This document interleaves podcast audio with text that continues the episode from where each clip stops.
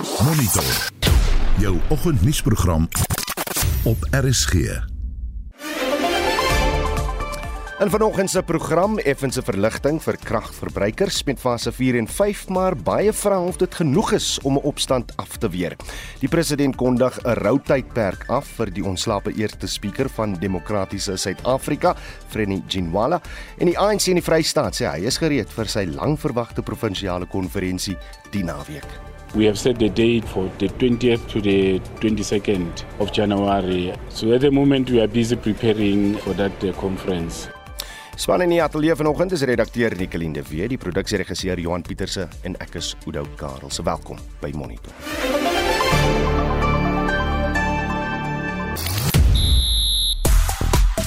Sunrisers Eastern Cape behaal hulle eerste oorwinning in die SA20 toernooi.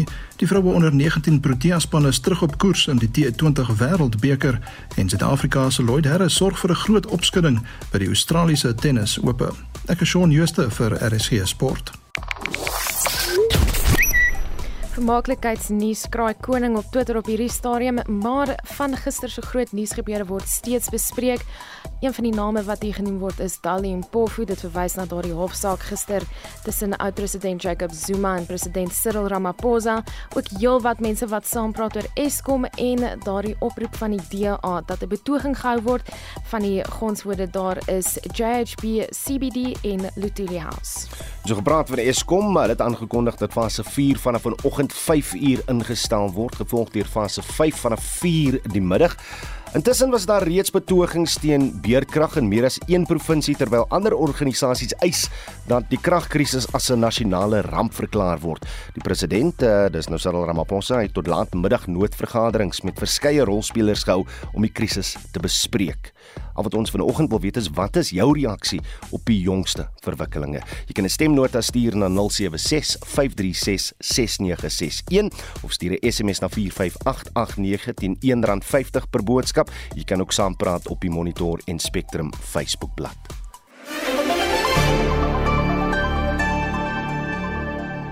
Presies 10 minute oor 6. Ontwrigtende diensleweringsbetogings is gister in Phoenix in KwaZulu-Natal, Kroonstad in die Vrystaat, Boksburg in Gauteng en Bushbuck Ridge in Mpumalanga gehou. In Kroonstad was betogers veral ongelukkig oor swak watervoorsiening en gereelde kragonderbrekings. 'n Stigterslid van die plaaslike burgerlike groep Ignite and Revive, Andrei van Pletsen, sê baie inwoners is keelvol. Die opmars is gedoen deur 'n klomp baie ongelukkige inwoners van Kroonstad net reg want in die township het hulle gereeld nie water nie. En hierdie plaaslike munisipaliteit weer die blame op Eskom plaas en dit is nie. Dit is infrastruktuur wat nie onderhou is nie ons reservoirs is nie reggemaak nie en een van die dinge is water. Daar's 'n paar punte waaroor hulle baie ongelukkig is en hulle toe besluit om op tog te hou Die ander dele van die dorp, hulle kry presies dieselfde situasie met waterverskaffing. Nee, daar's dele wat hoër lê en daar's dele wat laer lê en dan's daar verskillende reservoirs wat die verskillende dele bedien. En die ouens het ongelukkig in ons woonbuurt aan die kortste end getrek met hierdie ding en hulle is moeg daarvoor. Dit is eintlik 'n probleem wat jare lank en ons load shedding het dit maar eintlik nou net bietjie vererger. Julle het ten spyte van die feit dat julle munisipaliteit nie na wense diens lewer nie, die dorp van die jaar geword. Dit was verlede jaar, is ek reg?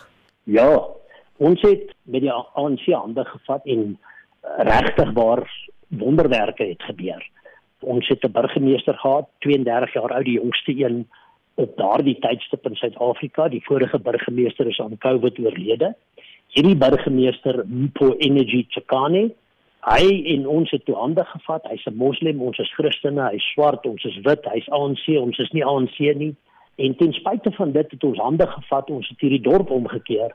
Ons het dit reg gekry om eenheid te bewerkstellig tussen besighede en regering en gemeenskap en dit het vir ons sukses gegee. So het ons die hele dorp hoop gegee ongeag vele uitdagings, 'n munisipaliteit wat bankrot is, 150 000 mense se riool wat in die rivier inloop in die Valsrivier en dit eindig in die Vaalrivier baie baie uitdagings maar ons het vir die land gewys en vir ons dorp gewys en dan ook vir die provinsie het ons gewys al is jou dorp hoe sleg ook al jy kan 'n verskil maak. Jy moet net ergens 'n streep trek en sê genoeg is genoeg. En dan moet jy jou moue oprol en met begin doen. Wat is die situasie nou? Nou, dis 'n interessante ding. Die ANC moes 30 dae na die verkiesing 'n nuwe munisipale bestuurder aangestel het met 'n CFO en met vier direkteure. Tot vandag toe is dit nog nie gedoen nie. Dit is 'n skreeuende skande. So die nuwe leierskap is uit die Ramaphosa faksie. Die ou leierskap waarmee ons lekker saamgewerk het, was uit die Zuma Ismagashule faksie. Nou dis veronderstel om die slegte ouens te wees. En nou is ons veronderstel om die nuwe ouens te wees wat die goeie ouens is. En hierdie nuwe ouens help ons nie. So ons het heel voor begin met verhouding bou. Heel voor begin ons nou met vertroue en deursigtigheid en inspraak in mekaar se lewens hê. Dit is 'n pad wat ons van voor af weer begin, maar vir ons is dit 'n uitdaging. Dis nie die einde van die pad nie. Hierdie munisipaliteit is tegnies bankrot in 'n moeilikheid. Ons het 'n hang municipality wat 2222 is en die nuwe ouens die weet niks nie. En wat hulle gedoen het is die ou swart institutional knowledge het hulle van ontslaag geraak. Dit is hierdie Joyce Sitati Monyaki, die burgemeester Mpo Energy Chikani. Hulle het nie 'n handover gedoen met hierdie ouens nie. Hulle het dit eenvoudig van hierdie ouens ontslaag geraak en 21 nuwe ouens ingebring wat niks weet wat hulle doen nie en nou probeer hulle munisipaliteit regkry. Die stem daarvan Andre van Pletsen en hy's 'n stigterslid van die burgerlike organisasie Ignite and Revive en hy het daar met ons Mitsi van der Merwe gepraat. Ons bly by waterkwessies maar verskuif die fokus na die Weskaap want in Kaapstad word inwoners opnuut versoek om minder water te gebruik weens voortdurende beerdkrag. Ons praat nou hieroor met die waarnemende burgemeesters komitee lid vir water en sanitasie by die stad Kaapstad, raadslid Siseko Mbandesi. Siseko, good morning. Good morning, Udo. How are you? I'm I'm very well. Uh, let's talk about the water situation in the city of Cape Town. You've set a maximum limit for locals' collective water use to be no more than 850 million liters per day. What what are those figures currently, and what does that translate to for individuals? Thanks very much. Um, yes, indeed, we've set the target to 850 million liters uh, of, of, of, of water per day. Uh, currently, uh, the the last week because we track this uh, weekly. Uh, last week, um, daily uh, usage was sitting at 925 million liters. So you still got to bring it down. You still got to bring it down. Why, why do you think people are, are still slow to to obey? Yes, we're intending to, to bring it down certainly with the assistance of residents. I think the reason why uh, possible people are not uh, obeying. It was the hot weather, uh, you know, hot summer um, weather last week. So obviously, when it's hot, people tend to, you know, uh, uh put more water into the swimming pools or, or, or, or, you know, water the gardens and those kinds of things. So then it, it, it went up, but we are monitoring it weekly. Uh, the impact you also asked the impact yes. on the on the residents. Look, now, currently, as you uh, uh, know, uh, remember now, currently we've got this uh, prolonged load shedding. Mm. And the reality of it, it is having a serious impact on our water supply operations, especially in high lying areas where the water, remember, needs to be pumped to, to get there. So the lack of energy or electricity, then it, it poses a serious challenge for us. That's the first thing. The second thing is that uh, remember, our water reservoirs also need energy to pump water. So if people are using less water, residents and businesses are using less water, then we are able to mitigate better the impact of load shedding. Because if they don't, then the, the, the reservoir quickly depletes and you are having a four hour uh, yeah, um, um, load shedding. Mm. So those are other reasons, really, really, really, that we are urging residents and Capetonians to assist us in using less water. How frustrating is it that you have these problems even though your dams are 70% full? Yes, yes. Uh, uh, in fact, uh, currently they are sitting at 5.5%. Uh, but, uh, but although, like, like I said, um, uh, the, the really big challenge currently, I mean, last week, I'll give you an example last week. You know, the, the whole Somerset area didn't have water because we had a four hour uh, load shedding, power comes back for two hours, goes for four hours. That it is seriously uh, brought a, a challenge there.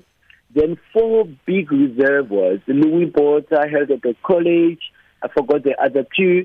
Then their water got depleted. Mm. And we had to bring generators to pump water. And remember, these are massive uh, reservoirs. And one generator is only helping in one pump. And these reservoirs got four pumps. So, so now, do you understand then the challenge that we have? Mm. So that's why I'm saying it, it is really, really important for uh, residents and businesses to work with us so that we are able to mitigate the, the, the, the load shedding uh, impact on our reservoirs and also on our waste treatment plants. Uh, remember that our uh, waste treatment plants' ability to convey uh, good quality drinking water also into the reservoirs then becomes a challenge with the lack of electricity. Is there any further risk of water or, or rather sewage running out into the sea, as we saw in December in, in isolated situations there? Uh, indeed. Look, the, you, the, you are correct. Yeah, there were really isolated incidents, and I can tell you, Odo, out of the those that we had, only one, only one in Fishhook, where the cause was a foreign uh, object into the system all of them something to do with load shedding. So there is really increasing with load shedding. However, I must also state that we have put in place a mechanism to deal with this. Uh, what we've done, firstly, we have uh, um, uh, generators that are attached or affixed to pump stations, and you see that also in our consumption of fuel uh, that we are really um, uh, working hard to mitigate the effect. Then, secondly, we have uh, started a project uh, where we use the solar system to, you know, feed energy to these uh, uh, sewer pump stations. Mm. So, indeed, the, the, the, the impact of load shedding does increases the risk, but we are we are mitigating it with generators and mobile generators that we have. At this stage, will you need to implement water cuts? No, not at all. Not at all. Uh, not at all. Uh, we are not there yet. Uh, and uh, no, we're not. We're not there yet. No. All right. Asai, dis die burgemeesterskomitee lid vir water en sanitasie by die stad Kaapstad, raadslid Siseko Mandesi. Die departement van onderwys word net soos alle Suid-Afrikaners deur voortdurende beerdkrag en kragonderbrekings geraak. Dit plaas opnuut die fokus op die gaping tussen ryk en arm skole omdat onafhanklike skole hulle tot kragopwekkers kan wend. Openbare skole het egter geen alternatief nie. Mitsi van der Merwe doen verslag. Die Curtis Nkondo skool vir spesialisering is een van die skole wat erg ly onder voortdurende kragonderbrekings. Die skool bied onder meer vakke soos wiskunde, wetenskap en inligtingskommunikasie ingenieurswese aan. Dit vereis toegang tot e-boeke, pleks van tradisionele handboeke. Die kruit vir op die swartbord word deur digitale toerusting vervang wat met elektrisiteit werk maar dit is te duur vir die skool om gereeld 'n kragopwekker te gebruik. Die woordvoerder van basiese onderwys, Elijah Mhlanga, sê duisende skole is in dieselfde bootjie. A large majority of them do not have generators. Yes, some of them don't require electricity, but for administration purposes, all our schools have computers. How are we going to receive data that we need for SASMs, which we use to report on the daily activities of schools, which we use for decision making, which we use for tracking uh, the operation of schools. We rely on power for that to happen. It's impractical actually to provide a generator for every school. We've got more than 25,000 schools. Just imagine that number of generators. And where would the money come from? Because we don't have budget for such things. Intussen het onafhanklike skole nie probleme nie en kan die leer en onderrigproses sonder onderbrekings voortgaan. Lebogang Motjani is van die onafhanklike skole vereniging van Suidelike Afrika. Within our membership, I think we're close to about 100% of schools actually being able to have some form of generators. The greatest impediment had been for many schools is the cost of trying to get solar panels and battery support. So I think that when you look at solar panels and battery support, that number I think would drop to around 10% of schools are going to the solar route. But I think that now they're going to have to just simply budget for it because there's no way that you can continue functioning in a school in which there's no electricity. Nonkebu Madube Dubi van die organisasie Equal Education sê die gaping tussen bevoorregte en onbevoorregte kinders word groter. They're sitting in classrooms that already have a shortage of textbooks, of stationery, teaching capacity. Their classrooms are overcrowded. And so when there isn't power and energy and they don't have access to meals, teachers can't do any printing, it just really means that they get left behind. That is the language that members of equal education that are school going are using. We get left behind because our peers can continue with learning during these periods. So I do worry that the school community is most affected by long hours of load shedding are sitting in the quintile one to three and sometimes four schools, which already experience huge amounts of inequality. So it perpetuates the inequality of anything. And I really do, I mean, from a very humble place, which is the Department of Education, to be talking to national collaborative ministerial committees around what ESCOM and the Energy Department can do to support education in schools during this period. Net toe die onderwyssektor begin herstel het van die COVID-19 inperkings en onderbrekings in onderrig, is kragonderbrekings nou die nuwe uitdaging waardeur die sektor in die gesig gestaar word. Griselda Loos en Paul Magubani het hierdie verslag saamgestel. Mitsi van der Merwe, SAK nuus. Die gemiddelde verwagting vir inflasie het in die 3de kwartaal van verlede jaar van 6,5% tot 6,6% in die 4de kwartaal gestyg. Ons praat nou hieroor met 'n ekonom by die Buro vir Ekonomiese Navorsing, Niklas van der Walt. Niklas, goeiemôre. Goeiemôre. Drie groepe se verwagtinge word in die jongste opname gebruik. Watter groepe is dit? Ehm um, so ons doen die opname vaaklik onder ehm um, ontleeders of ekonome dan ook onder sakelei en vakbondbestuur. Hoe hoe verskil hulle vooruitsigte van mekaar in terme van wat hulle verwag in ekonomiese groei vir Suid-Afrika? Ja, daar is nog 'n verskil. Ehm um, vir hierdie jaar is die ontleeders of ekonome bietjie meer aan die pessimistiese kant. Hulle verwag 'n groeikoers van so 1.1% vir die hele jaar.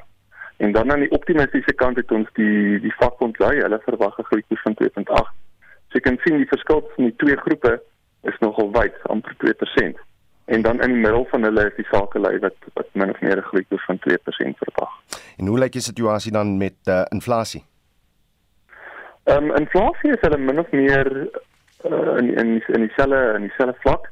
So daar sien ons hoe die uh, analiste of die ekonome verwag 'n groeikoers van 5.6% vir hierdie jaar en omtrent 1% meer as hulle is die sakelei, hulle verwag 6.5% en dan is die vakbonde hier in die geval so min of meer tussen die twee groepe met 'n uh, verwagting van amper 6%. So al drie groepe verwag dat inflasie min of meer bietjie sal afkom van die vlakke van meer as 7% wat ons in 2022 is beleef het. Ek, ek veronderstel een van die syfers wat ons almal hierdie jaar gaan dophou is is rentekoerse of die repo koers want uh, die die neiging was opwaarts vir vir grootendeels die die die volle 2022 was dit nie Dis korrek. Ja. So ehm um, die die impak van inflasie is natuurlik hoe hoër inflasie is, hoe hoër neig die rentekoerse ook op die lang duur. Ehm um, dit is ook 'n insentief vir die Reserwebank om rentekoerse op te stoot. So die hoër inflasie beteken natuurlik dat uh, verbruikers, veral die wat skuld het, ehm um, hulle reme stywer sal moet vastrek omdat hulle meer uh rente aan hulle aan hulle skuld gaan betaal. As jy net nie in 'n posisie is om jou skuld te vereffen nie. Jy jy jy raak maar net so bietjie aan die aan die rente op hy skuld wat jy terugbetaal. Is jy in groot moeilikheid? Wat wat doen jy dan? Begin jy nou dink om om daaraan om om bates te verkoop of wat doen jy Niklas? Ja, nee, dit is 'n goeie vraag net hang maar baie af van ehm um, elke persoon se eie situasie.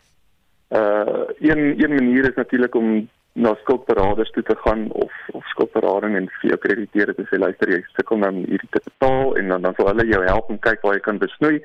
en indien nie kan jy dalk skuld konsolideer deur een bondel skuld uh, byvoorbeeld huisleningsskuld is goedkoper as kredietkaartskuld so dan kan jy dalk eerder geld leen op jou huislening om jou kredietkaartskuld af te betaal dit sal help dat jou rente uitgawes minder is nou lyk like dit wat is die vooruitsigte vir rentekoerse in in 2023 Ehm um, ons verwag dat dit maar maar hoog gaan bly. Ons sien nie dat dit nou al sal afkom nie.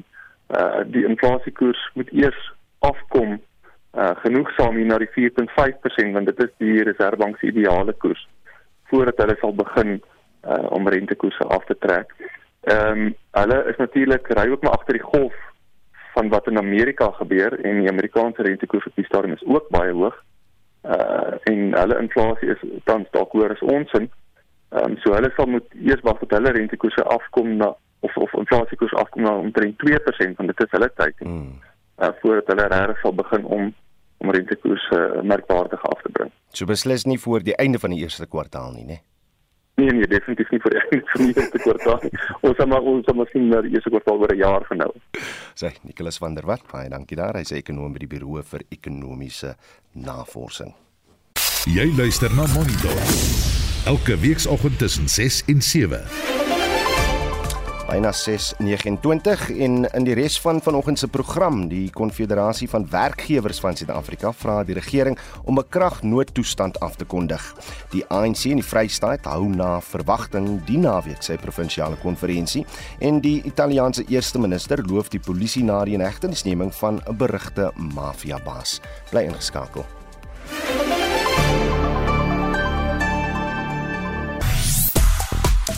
Reg, Eskom het aangekondig dat fase 4 vanaf vanoggend 5uur ingestel word, gevolg deur fase 5 vanaf 4uur die middag. Intussen was daar reeds betogings teen beerkrag in meer as een provinsie, terwyl ander organisasies eis die kragkrisis as 'n nasionale ramp verklaar word. Uh, President Cyril Ramaphosa het tot laatmiddag noodvergaderings met verskeie rolspelers gehou om die krisis te bespreek en wat ons vanoggend by jou wil weet is, wat is jou reaksie op die jongste verwikkelinge? Uh, Uh op Facebook sê Johan van Wyk ek stem nie saam met breek alles af nie maar ons betaal ons simpel en Soweto wat biljoene skuld sê hy en nie 'n arm gemeenskap is nie kry hulle skuld afgeskryf nie omdat hulle arm is nie maar omdat hulle weier om te betaal. Hoekom het hulle net 2 ure beerdkrag as dit fase 6 is maar ons het uh, tussen 10 en 12 ure 'n dag geen krag nie. Dis die vraag wat Johan vra. Uh Fleer Hartman se noordvergaderings nou eers die dis jare te laat. Ons is lankal keelvol vir die onbevoegdheid en kragstasies of liewer om kragstasies te bou en in stand te hou. En dit begin vinnig 'n waterkrisis ook te ont uh te ontaard sonder krag om pompe te laat werk en reservoirs vol te hou met pompe wat boonop ook breek en die betyds herstel word nie. Shane Yellowboy Phyllis sê net noodvergaderings maar geen oplossings nie en die probleme hoop op.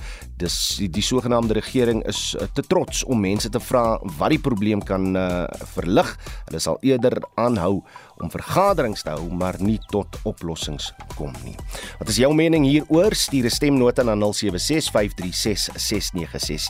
of jy kan ook 'n uh, SMS stuur na 45889. Dit sal jou R1.50 kos per boodskap en jy kan saampraat op die Monitor en Spectrum Facebookblad. Reg is nou tyd vir die jongste sportnuus met Shaun Jooste. Shaun, goeiemôre. Goeiemôre Oudo. Kan ons miskien net met die tennis begin want uh, die jaar se eerste tennis Grand Slam het gisteroggend afgeslaan en eh, 'n uh, baie goeie begin vir Suid-Afrikaners. Uh, alle oë ook uh, toegespits op die Rod Laver Arena vandag. Ja, in die mansafdeling het uh, Lloyd Harris vir 'n groot opskudding gesorg toe die 17de gekeerde Italianer Lorenzo Musetti in 'n vyfstellige klop het die telling 6-4, 6-1, 6-7 26 en 76 die wedstryd 3 ure en 48 minute geduur en hy kom in die tweede ronde teen die wêreldnommer 78 Martin Fucsovics van Hongarye te staan. En dan vandag se groot wedstryd in die mans afdeling is die negemaalige kampioen Novak Djokovic van Servië. Hy speel later teen die Spanjaard Roberto Caballes Baena en dan in die vroue afdeling die nommer 2 ons is Jabeer van Tunesië sy speel ook teen Tamara Zidansek van Slovenië As ek het geweet Aiden Makram is net te goed om in 'n span te speel wat aanhou verloor. Sunrisers Eastern Cape, hulle sal verlig wees na gister se oorwinning in die SA20.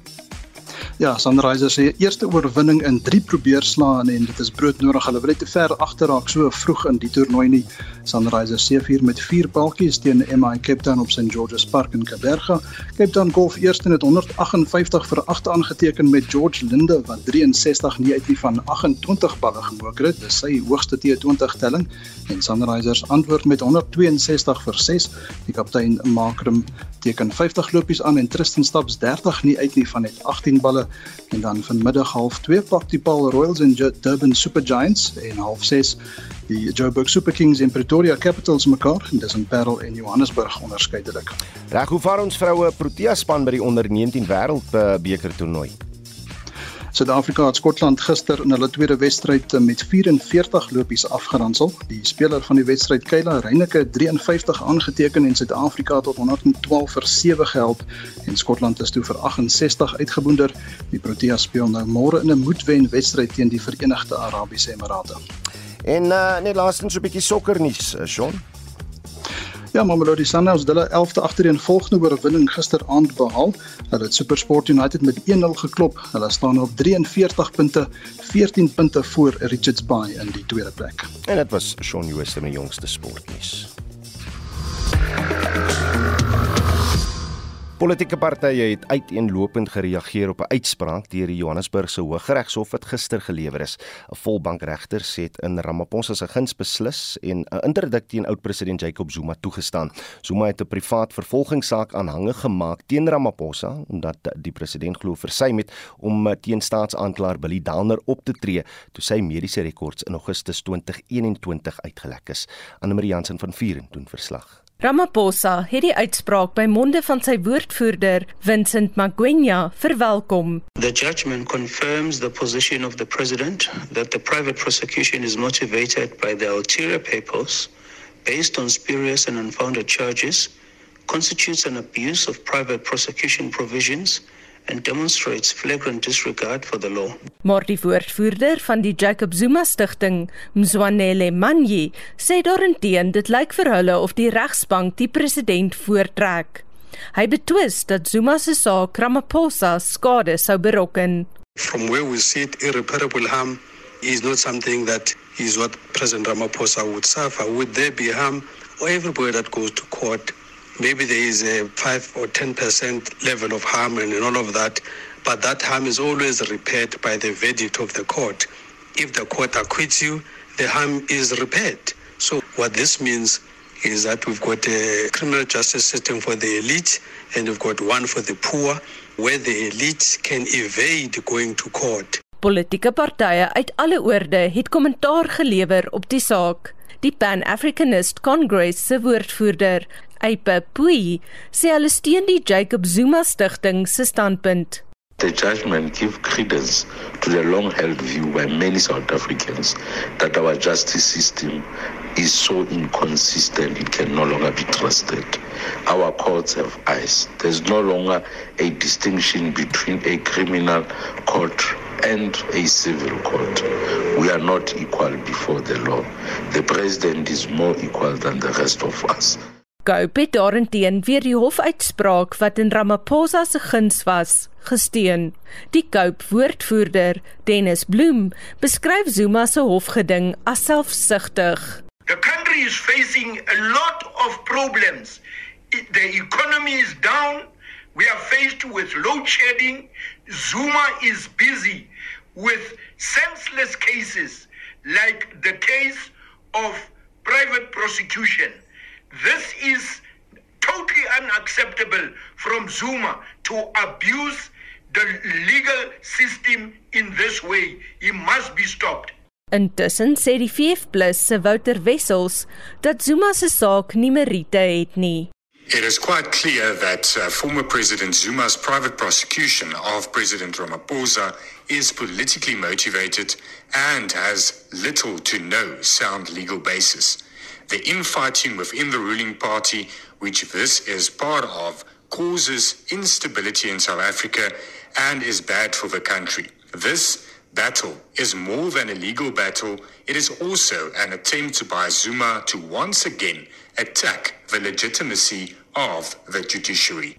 Volgens die National Freedom Party se sekretaris-generaal, Kenan Bletche, wys die hofuitspraak dat die ANC nie meer bevoeg is om die land te regeer nie.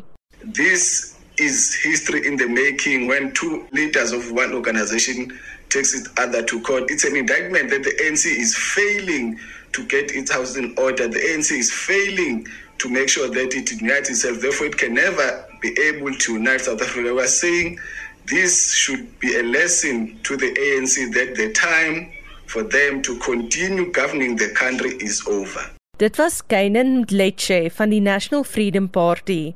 Hierdie verslag is saamgestel deur Boesie Nchemombe van die politieke redaksie en ek is Anne Marie Jansen van Vuren vir SAK nuus. Intussen sê die ANC in die Vrystaat, hy gaan voort met planne om eerskomende naweek sy langverwagte provinsiale konferensie te hou. Dit ondanks dreigemente van 'n interdik deur ontevrede lede van die Ledjuela-Putswa distrik. Jean-Marie Verhoef berig. Die ANC in die Vrystaat blyk nie te bekommerd te wees oor dreigemente van moontlike regstappe deur van sy ontevrede lede in die Ledjuela-Putswa streek nie. Die lede bevraagteken die uitslae van die streekskonferensie wat in November gehou is en wat deur geweld gekenmerk is.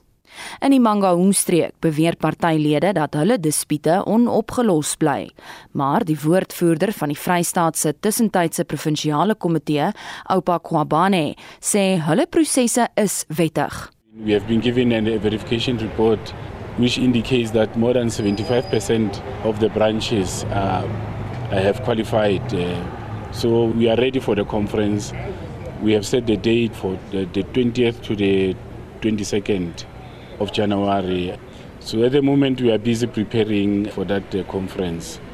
Uh, so, so we hope to have a very successful conference. Die konferensie is sedert April verlede jaar telke maal uitgestel.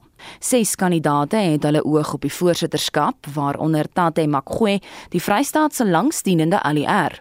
Die voormalige uitvoerende burgemeester van Maluti Apufong, Vusi Chabalala, wat weens klagtes van korrupsie die trekpas gekry het, het ook sy beskikbaarheid bekend gemaak. If I was indeed corrupt, I'm sure by now I would have been in prison. And that is why as the ANC today, we can see what is happening. Look at the conferences that passed. You've got Mangaung conference, I mean, you've got Lejoli Putso. This is where I want to relate the story where delegates were just removed. Die ANC in die Vrystaat word al vir meer as 3 dekades gekenmerk deur faksiegevegte. Die spanning het al gelei tot die ontbinding van die leierskap deur howe en toppartybeamptes. Die voormalige Vrystaatse ANC voorsitter is Pat Matossa. Once people become politically mature, factionalists will eventually isolate themselves from the process because they will be so irrelevant. People will understand unity in its proper meaning that it's a conscious unity it's something built in inside you Die top 5 posisies in die party se Vrystaatse struktuur sal heel waarskynlik betwis word. Die leierskap is onbestrede verkies tydens die provinsiale konferensies wat tussen 2012 en 2018 gehou is. Die party sal na verwagting ook sy 5de voorsitter sedert 1994 verkies. Die voormalige ANC sekretaris-generaal, Ys Magashule, het vir byna 20 jaar die posisie as voorsitter beklee. Die verslag deur Magala Masiteng in Bloemfontein, ek is Jean Marie Verhoef vir SAK nuus. Stad tyd vir 'n kort oorsig oor wêreldnuus gebeure. Marlie Skeepers, goeiemôre. Haai Oudo. Wêreldwye druk op die regering in Suid-Sudan neem toe om dringend mensehandelnetwerke hok te slaan. Kenia se president Willem Ruto waarsku dat menseregte vergrype in die Suid-Sudanese hoofstad Juba algemeen voorkom.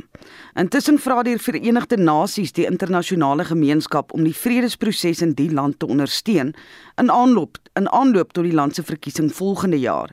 Die voorsitter van die Kommissie vir Menseregte in Suid-Sudan is Yamin Yasmin Suka. Sexual and gender based violence and against women and girls of all ages in South Sudan is relentless. The abductions of women and girls who are either forced into marriage or become sexual slaves. Young men are recruited to fight on the basis that they are free to kidnap women and girls in forced marriage or as sexual slaves.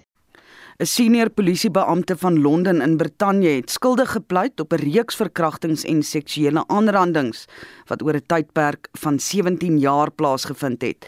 Die 48-jarige David Carrick is van 49 seksuele aanklagte beskuldig. Die hof het gehoor hoe hy sy posisie as wetstoepasser misbruik het om sy slagoffers se vertroue te wen. Die assistent polisiekommissaris in Londen, Barbara Gray, het om verskoning gevra vir die geleenthede wat oor die tydperk gemis is om hom uit die polisie diens te ontslaan. This is devastating. It's devastating for the victims that have had to go through pain and suffering at the hands of a serving police officer. It is devastating to the trust and confidence that we are working so hard to earn from women and girls across London. But we know this is a day that policing has definitely taken a step back. En in Parys in Frankryk word die Eiffeltoring verlig met slagspreuke soos vroue, lewe en vryheid ter ondersteuning van Iranse betogers en vroue. Dit is reeds 4 maande sedert die dood van Masha Amini wat deur die sedepolisie in Iran in hegtenis geneem en in aanhouding dood is.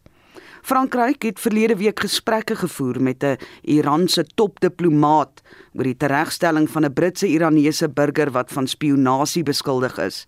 Franse burgers word ook in Iran gehou wat Parys as absurd en arbitrêr beskryf. En dit was Marlie Skeepers met 'n blitsoorsig oor wêreldnuus gebeure. Kom ons keer terug na die groot besprekingspunt van seker die oggend en en die res van die dag.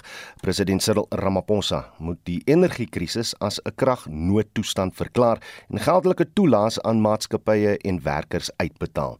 Dit is die mening van die bedryfshoof van die Konfederasie van Werkgewers van Suid-Afrika of COFESA, Tjie van der Merwe. Ons spesifieke versoek aan die president is dat met onmiddellike effek moet daar 'n nasionale noodtoestand uitgeroep word met die beerkragprobleme. Hoe stel julle voor befonds die president die geldelike hulp wat julle vra vir werkgewers en hulle werknemers? Ons stel voor dat die geldelike hulp kom as sodra dit 'n nasionale noodtoestand is, word daar nasionale noodfondse beskikbaar gestel en soos met COVID, dat daar ook tersfonde sterfondse beskikbaar gestel word uit die werkloosheidsvoorsieningsfonds. Julle vra die privaat sektor om die krisis te help oplos met 'n holistiese benadering. Hoe beoog julle hierdie benadering in die praktyk? Daar is reeds deur die banke en deur baie van die ander instansies word daar befondsing toegepas. So ons praat oor die privaat sektor, veral in die groen kragsektor, dat hulle betrokke raak by die Hoe doen die banke dit? Daar is lenings beskikbaar. Jy kan of 'n lening vat of jy kan 'n afbetaling vat. Dit is hoe die banke die geld voorsien dit reeds daar. En dan is ook daar 'n SARS. SARS gee ook reeds 'n uh, afslagkorting as daar groenkrag plaasvind vir daai uitgawes. Dink jy Eskom het die kapasiteit om hierdie groenkrag op die raamwerk te sit en te versprei?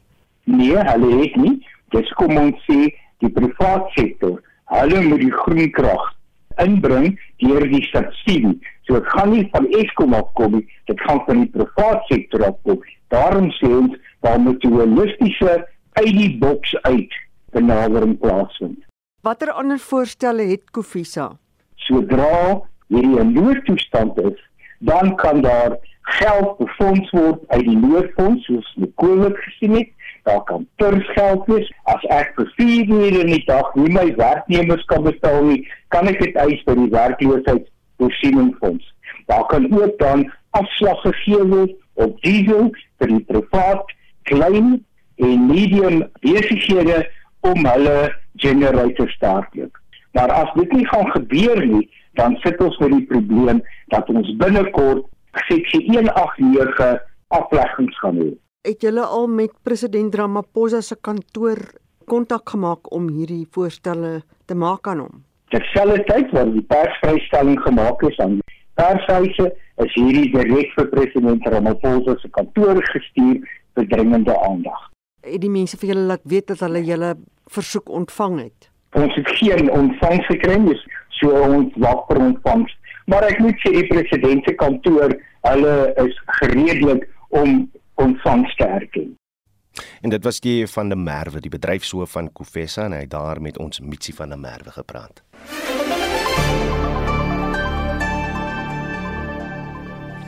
'n Groot gees aan die Universiteit Stellenbosch is op Vrydag 13 Januarie oorlede. Professor Christo Viljoen het as visierektor vir bedryfs afgetree.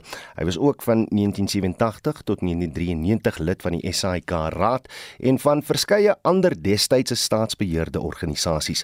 'n Voormalige visierektor leer en onderrig professor Arnold Skoonwinkel wat 'n student van professor Christo Viljoen was, bespreek sy loopbaan het hy eers my klas gegee en het ek hom nou later leer ken as 'n kollega toe ek self by Stellenbosch gebly het maar hy was absoluut gestel daarop dat ons goeie Afrikaans gebruik en as jy enigiets geskryf het dat hy baie moeite gedoen om vir jou te help om goeie Afrikaans in jou skrywe te gebruik en natuurlik hy was baie lief vir nuutskeppings in Afrikaans veral in ons tegnologiese wêreld as daar nie 'n goeie Afrikaanse woord is nie dan net hy gaan soek daarvoor of hy het gehelp om dit te skep en wat ek ook baie goed onthou in my eerste jaar was ons elektroniese handboek in Afrikaans en dit is sy werk. Hy het die moeite gedoen om goeie materiaal te kry in Engels en dan vir ons 'n ingenieurshandboek te skryf in Afrikaans in daai dae.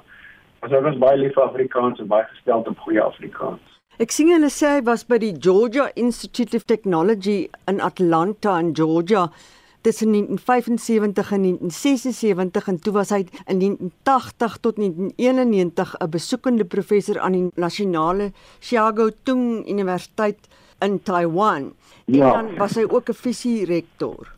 Dis korrek. Net gou vir ietsie oor die Taiwan blootstelling. Ek onthou baie goed daai periode wat hy daar gaan deurbring het en hoe beïndruk hy was met hoe daardie volk hulle self deur middel van tegnologie opgelig het om geleenthede skep en so aan. En hy is uiters geïnspireerd deur hoe hy dit gedoen het. Een van die dinge wat hy gedoen het, hy teruggekom met Stellenbosch toe om te help om ons tegnopark te vestig net hier buitekant van Stellenbosch. En hy het gesien hoe dit gedoen word, hoe jy met tegnologie die omgewingsekonomie kan lig en hoofvlak mannekrag trek en so weer. So ja, ek onthou baie goed daardie blootstelling en wat hy vir ons teruggebring Suid-Afrika. As hy die rektor en ek het hom ook toe leer ken. Op daardie stadium was ek bekend met ingenieurswese en ek onthou baie goed hoe Christo goed was om sisteme in te stel by die universiteit. Finansiële sisteme bedryfsstelsels hy was director bedryf as ek reg onthou was die titel gewees. Ek dink dat sy ingenieursbenadering um, probleemoplossing stelsels denke en so aan was uitstekend om sisteme te vestig. En ek glo van die maniere van doen by Stellenbosch is vandag nog waarskynlik 'n nalatenskap van Christo se leer Ek weet onder andere was hy terwyl hy dekaan was by ons ook vir 'n periode die voorsitter van die Wes-Kaapse SRK Raad. En dit het hy gedoen saam met daai uitdagende plig van dekaanskap en hy was absoluut knap met wie daar onderhoude uit 'n uitstekende teenwoordigheid gehad ook later voor televisie en so aan. Ek onthou net hoe gemaklik hy was om tegniese goed en nie tegniese goed beleidsdinge oor te dra deur middel van die media van die dag.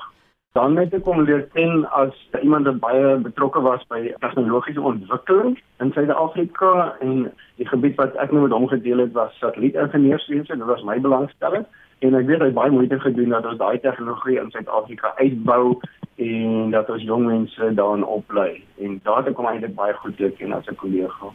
En dan dan professor Arnold Skoonwinkel, voormalige visierektor vir bedryf aan die Universiteit Stellenbosch, wat met Mitsi van der Merwe gepraat het. Uh, onthou professor Christoffel Joen se herdenkingsdiens is in hierdie Saterdag, die 21ste Januarie om 10uur in die oggend by die Moederkerk op Stellenbosch. Nou die Wes-Kaapse Wynland distrik het pas bevestig dat 'n brand net verby die Gaidu pas in die Witzenberg Vallei in die eh, Wes-Kaap uh, uitgebreek het. Vir die jongste praat ons nou uh, daaroor met Joan Otto, die woordvoerder vir die Kaapse Wynland distriksmunisipaliteit. Joan, goeiemôre. Goeiemôre Oudo, goeiemôre luisteraars. Wat is die jongste nuus omtrent hierdie brand? Goed, die brand het gistermiddag laat ontstaan seker so 5 uur se kant en um, ons het dadelik twee um, van ons gekontrakteerde grondspanne na die brandlyn toe gestuur. So, hoe ek verduidelik, altyd 'n berg het vier kante, net soos wanneer jy jou voet op die grond neersit. So op die oomblik is ons daar waar jou enkel sal wees bo, reg bo die Geidelpas, um, of verby die Geidelpas. En die brand dreig nou um, met deernag het die wind opgestaan natuurlik en um, het die wind begin die wind nou die brand dryf na 'n area waar daar lekker ryk en en ryk plante groei is, meestal proteas.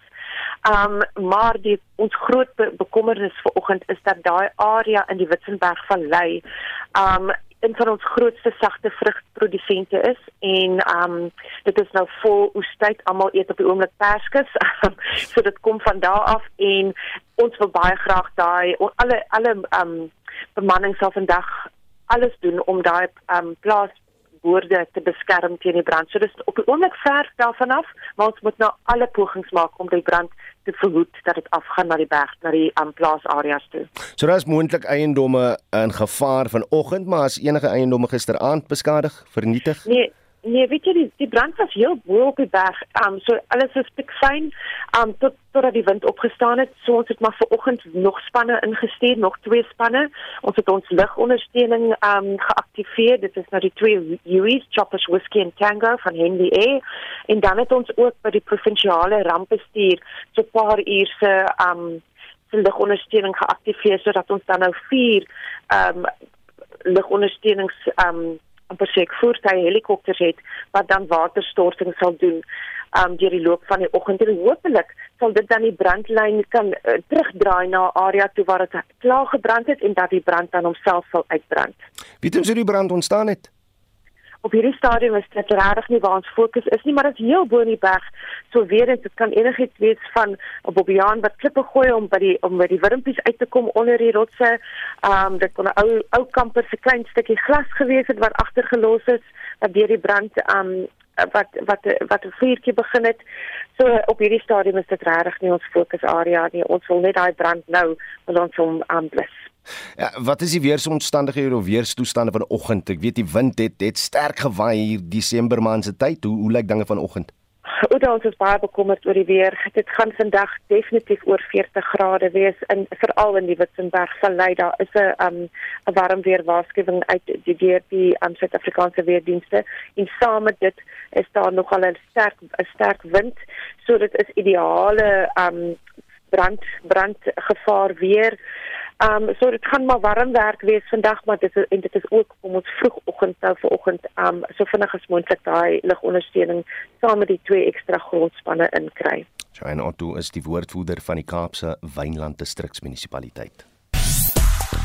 Nou Eskom het aangekondig dat fase 4 vanaf vanoggend 5uur ingestel is, uh, gevolg deur fase 5 vanaf 4 die middag. Intussen was daar reeds betogings teen beerkrag waarop ons nog gefokus het vandag op die program. Ons president Cyril Ramaphosa het tot laatmiddag noodvergaderings met verskeie rolspelers gehou om die krisis te bespreek.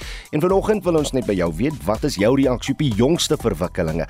Op Facebook sê Janet Zitzman, geen onderbrekings. Hierdie is 'n mind game sodat nie niemand die finansiële implikasie van die kragverhoging agterkom nie.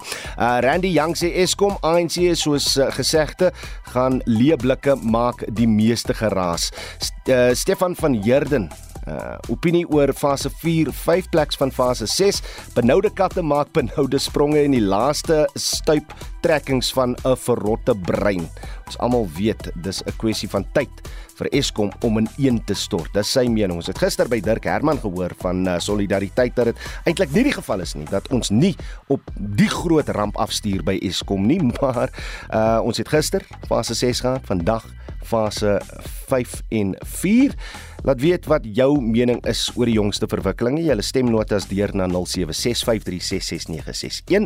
Jy kan ook 'n SMS stuur na 4588919 R50 per boodskap en jy kan ook lekker saamgesels op die Monitor en Spectrum Facebook bladsy oor of daar 'n noodtoestand verklaar moet word. Ons groet dan namens ons uitvoerende regisseur Nicoline de Wee, uh, ons ook vandag ons redakteur, ons produksieregisseur is Johan Pieterse en ek is Oudo Karelse. Skakel gerus in op Spectrum tussen 12 en 1 vanmiddag vir nog nuus aktualiteit asook brandpunt omstreeks kwart voor 6. Dis nou vanmiddag. Geniet jou dag in die geselskap van RSG. Totsiens.